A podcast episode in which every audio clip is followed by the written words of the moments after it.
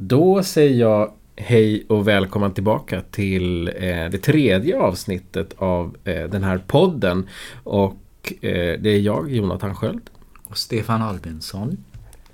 Som sitter här och vi har nu spelat in, det här är tredje avsnittet vi gör i rad. Ja. Samma eftermiddag. Men syftet är detsamma i alla fall, att läsa veckans eller söndagens bibeltexter och, och nörda lite i dem. Mm. Ja, men vi dyker väl in eh, i det som då är tredje söndagen i advent. Där är vi nu ja. Mm. Det är strax jul. Och eh, då tänkte vi ta oss an från Gamla Testamentet eh, ur profeten Jesajas bok kapitel 29 17 till 21. Och eh, följa upp det med eh, första Korintierbrevet kapitel 4 verserna 1 till 5. Och så ska vi läsa Matteus evangeliet kapitel 11 2 till 11. Och så avsluta med eh, psalm 146 vers 3 till 9. Japp. Där har vi texterna och du Mm. som vill eh, vara med och nörda lite här kan ju med fördel trycka på paus, läsa igenom och eh, återuppta när du har läst texterna. Yes. Men vi börjar med Jesaja då. Vi, vi nämnde ju Jesaja lite i förbifarten förra a- avsnittet eftersom att han och Mika hade Just det. skrivit lite samma text. Men nu är det Jesaja här. Ja. Och eh, Jesajas bok den är ju... Idag tänker ju bibelforskarna att Jesajas bok egentligen är, eh, har tillkommit i tre olika perioder. Eh, så de första 39 kapitlerna eh, tänker man är skrivna av Jesaja. Och eh, han verkar ju liksom under Ja, förra veckan var vi väl inne där och pratade om det assyriska hotet. Så. Precis. Eh, och man vet ju inte riktigt exakt när han levde, men eh, eller verkade 747 cirka eh, till 687 cirka är väl ungefär där man före vår tideräkning som man eh, placerar honom. Eh, och den här första delen då, den som då profeten Jesaja har eh, är liksom om han själv är författare eller om det är hans lärjungar som har skrivit ner eller sådär. Eh, men de oraklerna som finns där, det är ganska mycket mörker. Eh, Jesaja lyfter upp liksom de eh, eh skriande orättvisorna, hur folket har vänt sig bort, inte minst liksom kungamakten har vänt sig bort från, från Gud och eh, innehåller ganska mycket utav, vad ska jag säga, eh, varningar. Så. Eh, och tonen är en helt annan sen i Jesaja 40 och framåt. Eh, och det bruk, den delen brukar kallas att Devtro, Jesaja Devtro, vet du vad det betyder? Nej, Eh, den andra Jesaja. okej. Mm. Han hette väl antagligen inte Jesaja han med, men liksom för att eh, eh, och då, den är, den är tillkommen under den babyloniska fångenskapen. Alltså folket fördes ju bort i fångenskap av babylonierna. Och eh, sen tog det babyloniska riket gick ju under för att perserna, alltså nuvarande Iran, persiska riket tog över och antagligen är den här texten skriven liksom precis då eh, när Persien håller på att ta över. Och den är betydligt mer hoppfull. Alltså då är man i fångenskap. Allt det där som Jesaja hade varnat för, det har hänt. Eh, och då vänder Devtur Jesaja på steken och pratar om hopp istället.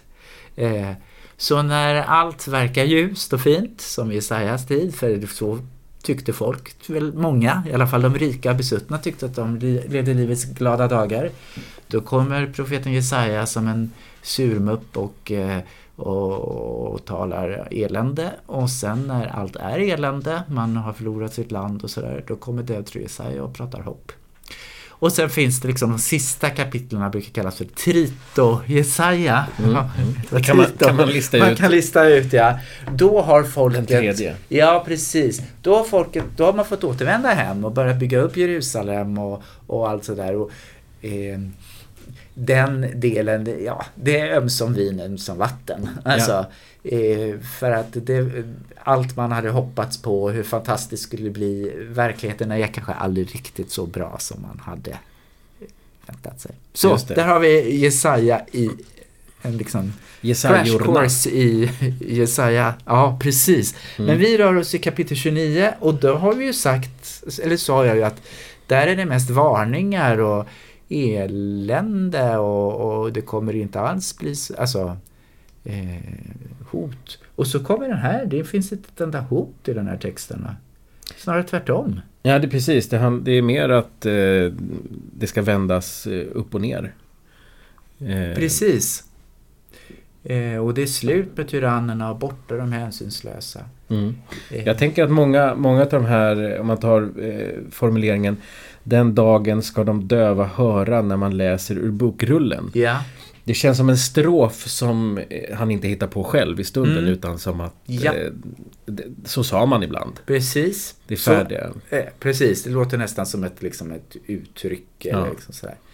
Och antagligen, eh, nu kanske någon blir besviken, så är det inte Jesaja som har skrivit den här Mhm. texten. Mhm. Utan att den verkar ha liksom förts in i texten senare. Okej. Mm. Eh, och det som Jesaja precis, för det Jesaja precis har sk- skrivit är eh, där går han framförallt emot de profeterna och skriftlärda, alltså de som borde kunna leda folket rätt. Mm. Men han skriver liksom, ja men de är som blinda, de är Mhm. som analfabeter, de är som liksom, här finns texten men ni kan inte läsa den ändå. Eh, alltså, och då har någon fört in den här. Ja men på den tiden, då ska liksom eh, de blindas ögon kunna se fria från dunkel och mörker. Mm. Mm. Eh, innan vi lämnar den här, han nämner Libanon väldigt tidigt. Ja, just det. Är det Libanon som ett land på den platsen vi, som Libanon finns idag? Ja, det är ju inte Libanon som ett land utan det är Libanon snarare som ett berg eller bergs... Men det är ju... Det är ju Det är den platsen? Det är den platsen. Ja, så. just det. Mm. Just det. Mm. Mm. Eh, vi vi eh, fortsätter vidare med episteltexten tycker jag. Ja, Och nu ska vi få stifta bekantskapet. Det är fortfarande Paulus men han skriver nu till församlingen i Korint. just det. Precis. Och vi satt och letade på kartor här tidigare och hittade Korint i Grekland. Ja, Södra precis. ön i fastlandsgrekland kan man väl Mm. kalla det då. Mm.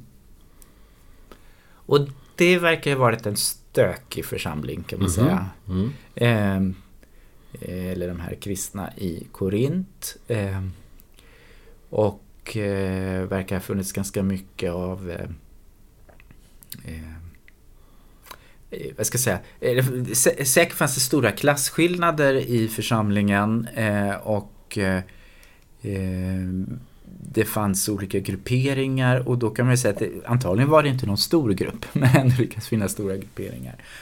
Och folk som häv, hävdade sig gentemot andra.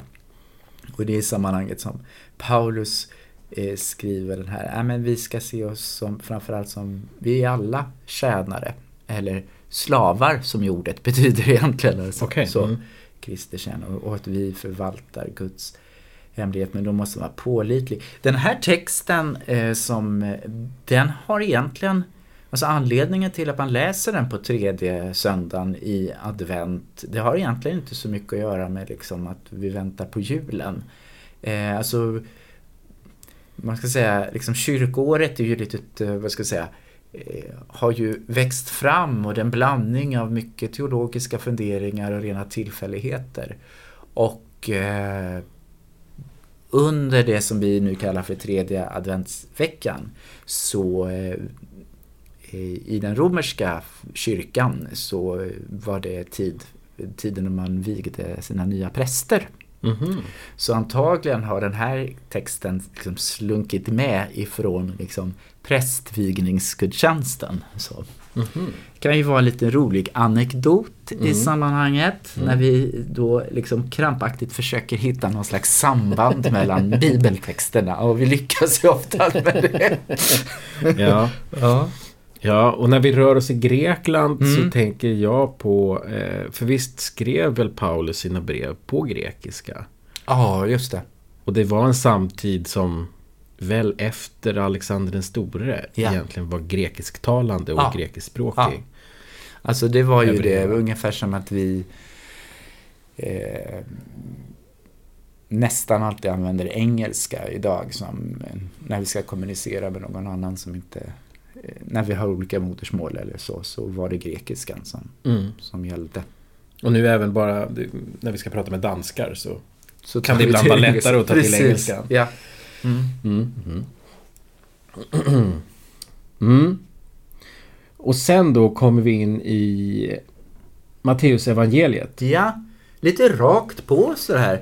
Johannes fick i sitt fängelse, börjar texten bara, ja. höra om Kristi gärningar. Och då finns det ju olika Johannes. Eh, men det här det är Johannes döparen. Det här är Johannes döparen. Eh, som som man får tänka sig att alltså Jesusrörelsen hade nog liksom lite svårt att veta vad de skulle göra av den här Johannes döparen. Och det märks inte, bland, inte minst i, i, i Matteus evangeliet. Alltså, eftersom det är Jesus som är den stora, det är han som är Messias för, för de kristna. Så fanns den Johannes döparen som Jesus verkar haft någon slags koppling till eller har han varit lärjunge och liksom sådär. Så att det finns eh, någon slags liksom ambivalent förhållande till Johannes döparen. Mm. Och det märks i den här texten ju också då, att han Ingen av kvinna född har trätt fram som är större än Johannes döparen, säger Jesus här. Men eh, Eh, den minste i himmelriket är större än han. Eh, så att eh, man kan ingen kunde förneka, eh, alltså det var ganska, liksom, det här är väl en, en av de få saker som, som vi nästan kan säga eh, 100% är historiskt att det fanns någon slags koppling mellan Jesus och Johannes döparen. Eh, för att hade det inte funnits det så skulle man nog försökt liksom tysta ner den här eh, Johannes döparen som också hade sina lärjungar och det fanns en rörelse kring honom. Ja, just det. Ja, då hade man klippt bort honom bara. Då hade man klippt bort honom. Mm. Så. Mm. Mm. Men det gick inte, han var för känd. Han var för känd och det var precis. Mm, mm. Mm. Här sitter han ju i fängelse då. Har du koll på varför han sitter i fängelse? Nej, det har jag inte riktigt. Nej. Jag vet ju att han blir halshuggen till slut. Ja, det är någon som får precis. hans huvud på ett fat. Ja, visst, precis. Mm. Eh, det är ju så här att det fanns en...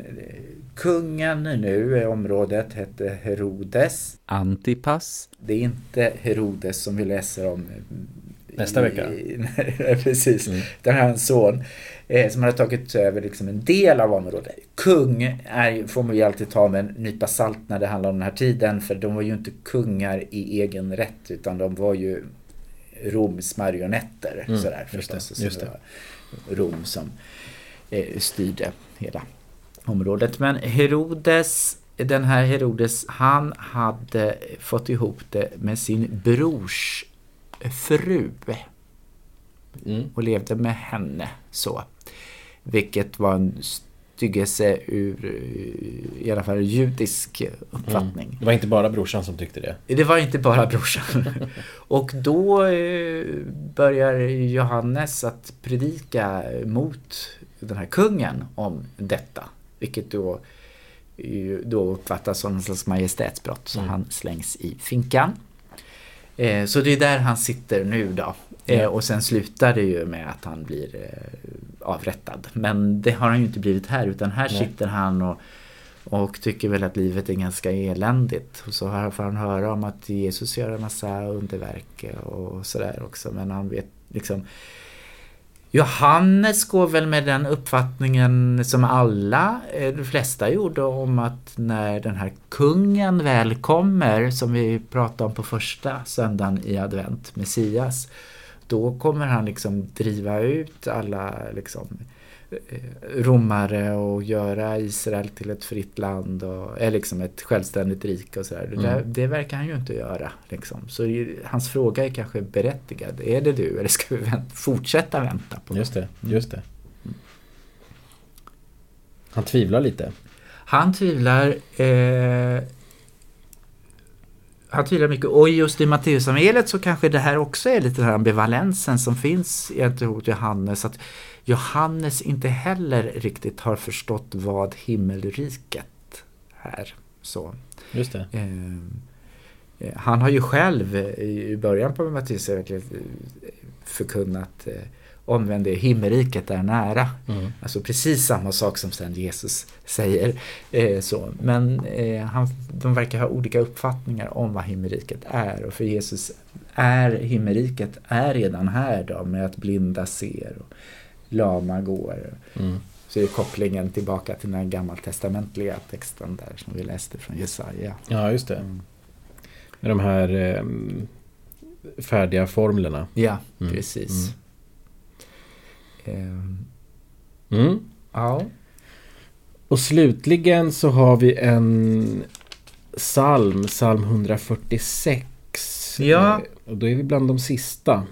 Just det, 150 psalmer är det ju. Sen i saltaren om inte ortodoxa då är det 151 psalmer. Mm, mm. Men eh, och sen Eh, de är ju jättesvåra att datera. Eh, det är inte självklart så att det är liksom de äldsta salmerna först i Saltaren utan det är ju eh, Först verkar det ha blivit fem olika sångsamlingar som sen sattes ihop till Saltaren. Mm. De kan ju vara olika. Just. Eh, ibland går det att hitta liksom ett tema i, liksom, kring de som ligger nära varandra, ibland inte mm. det. Mm. Men här är det ju ganska vad ska man säga, de är, de är väl liksom kärnfulla men samtidigt lite intetsägande på samma gång. Mm. är min känsla när jag läser. Ja. Eh, man skulle kunna hitta dem lite var som helst i Bibeln. Ja. På sätt och vis. Ja. Och det är kanske så med saltarsalmerna i... Man, nu har man ju bestämt att det ska finnas en saltarsalm till varje söndag. Och så. Ja. Och ibland är de ju ganska välfunna och ibland känner man att nu var de bara tvungna att hitta något. Ja. Det här får duga. Men här, den här har väl kanske liksom ändå lite anknytning till, till de här andra texterna om att Herren öppnar blinda ögon, han, han ger de förtryckta deras rätt och eh, Herren ger främlingar skydd och stöder faderlösa änkor. Som, som, på något sätt anknyter både till, till eh, texten från Matteus evangeliet. Mm. Alltså ser ni inte vad som ändå händer här? Att människor börjar få bättre liv. Mm. eh, och Jesaja-texten där då.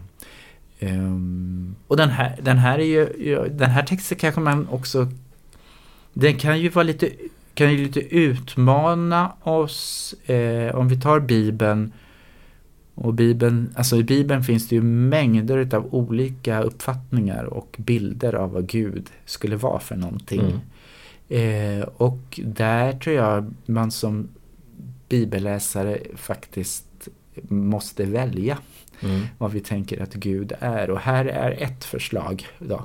Att Gud är den som, som eh, eh, ger de förtryckta deras rätt. Alltså det är ju en beskrivning utav Gud. Det kan ju finnas andra bilder eller uppfattningar både i Bibeln och överhuvudtaget i, hos eh, Guds troende. Mm. Vad Gud är och bör vara för mm. någonting. Mm. Just det. Mm. Som avslutning då. Vi, det första avsnittet gjorde första advent är ju en välbesökt söndag. Ja. Hur är det eh, den här tredje söndagen i advent? Är det lite så lugnet före stormen då? Mm. Brukar det vara så? Det skulle nog kunna säga. Alltså första advent, då brukar det ju vara knacka fullt. Ja. och det där är ju lite intressant för att första advent rent liksom egentligen är ju inte det någon stor, vad ska jag säga, högtid. Alltså eh, Eh, det har blivit det i Sverige. Ah, okay. Eh, så. Eh, och eh, just, och, och, inte minst kanske för musikens skull. Va? Mm, det är väl det, att det har ju blivit en stor festsöndag. Och mm. det är ganska unikt just bara för Sverige. Mm. Eh, det är ju starten på kyrkåret. Ja, kanske något. ja det är vi, så. Vi gillar sånt. Vi gillar det. Jag hörde något, men det kan, kan jag inte belägga. Jag har hört att en anledning är att, att, att det blev en så stor högtid i Sverige just första advent var för att den gamla ärkebiskopen i Svenska kyrkan, Nathan Söderblom, då när kriget hotade, eh, uppmanade Sven Sveriges folk att komma till kyrkan och, och, och be. Mm, att det skulle mm. varit en anledning till varför det blev. Men det förklarar inte varför folk fortsatte komma första advent. Där Nej, tror jag att snarare vi får se liksom. Men då är det världskrigen. Det är en väg och Hosianna. Ja, precis mm. så. Alltså att det har blivit i Sverige så mycket kyrkomusik och mm, så mm. som har liksom. Eh, mm. Men då rundar vi av och och eh, vi får väl önska våra lyssnare säga tack för att ni har lyssnat och önska er en trevlig tredje advent. Ja. Tack Hörs vi om en vecka igen. Ja, tack så mycket.